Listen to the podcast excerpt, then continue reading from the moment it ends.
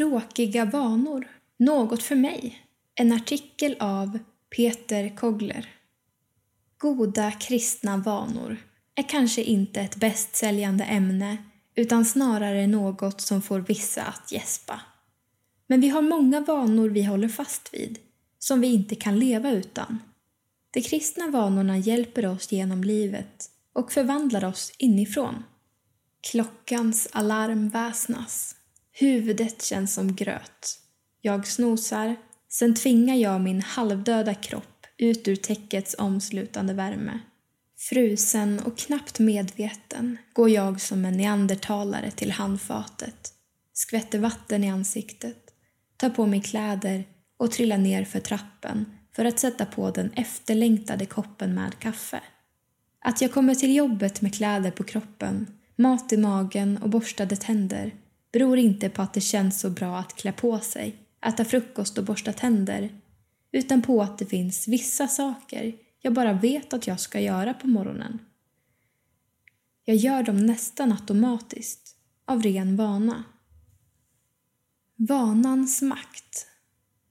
Vi skulle inte klara oss utan vanor. Men ändå har många av oss negativa associationer till ordet vana.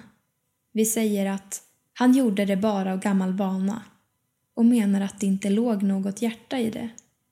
Så blir vanan i vårt tänkande ofta till något som står för handlingar utan eftertanke och sann inlevelse. Det är synd, för vanor är kraftfulla saker. Vanor dödar eller ger liv. Vi talar ibland om att vanans makt är stor och det är sant.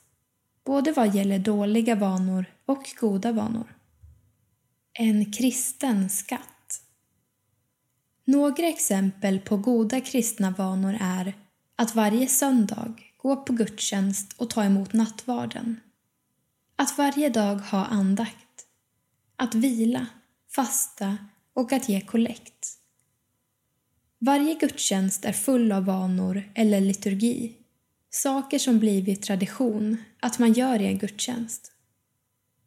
De där vanorna kan upplevas tråkiga men när man börjar fundera över varför vi gör som vi gör i gudstjänsten så kan man upptäcka en kristen skatt. Det är ingen slump att vi alltid har syndabekännelse, trosbekännelse och välsignelsen i en gudstjänst.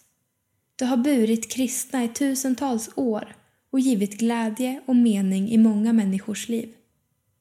Känslostyrd kyrklighet Pandemi och annat har gjort att vanan att gå på gudstjänst har rubbats för många. Förr innebar att vara kyrklig kristen att gå till kyrkan varje söndag medan den som var okyrklig gick någon gång i månaden.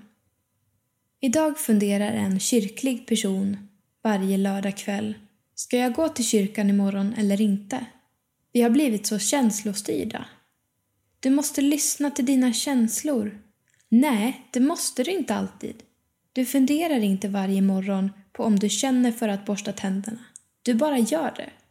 Så borde det vara med att gå till kyrkan också. Om du arbetar in goda kristna vanor i ditt liv så kommer ditt liv på sikt att förvandlas. Inte på grund av själva vanan utan på grund av det dagliga och söndagliga mötet med den levande guden. De gamla prästerna sa Bevara vanan så skall vanan bevara dig. Jag ger dem rätt. Goda vanor räddar liv.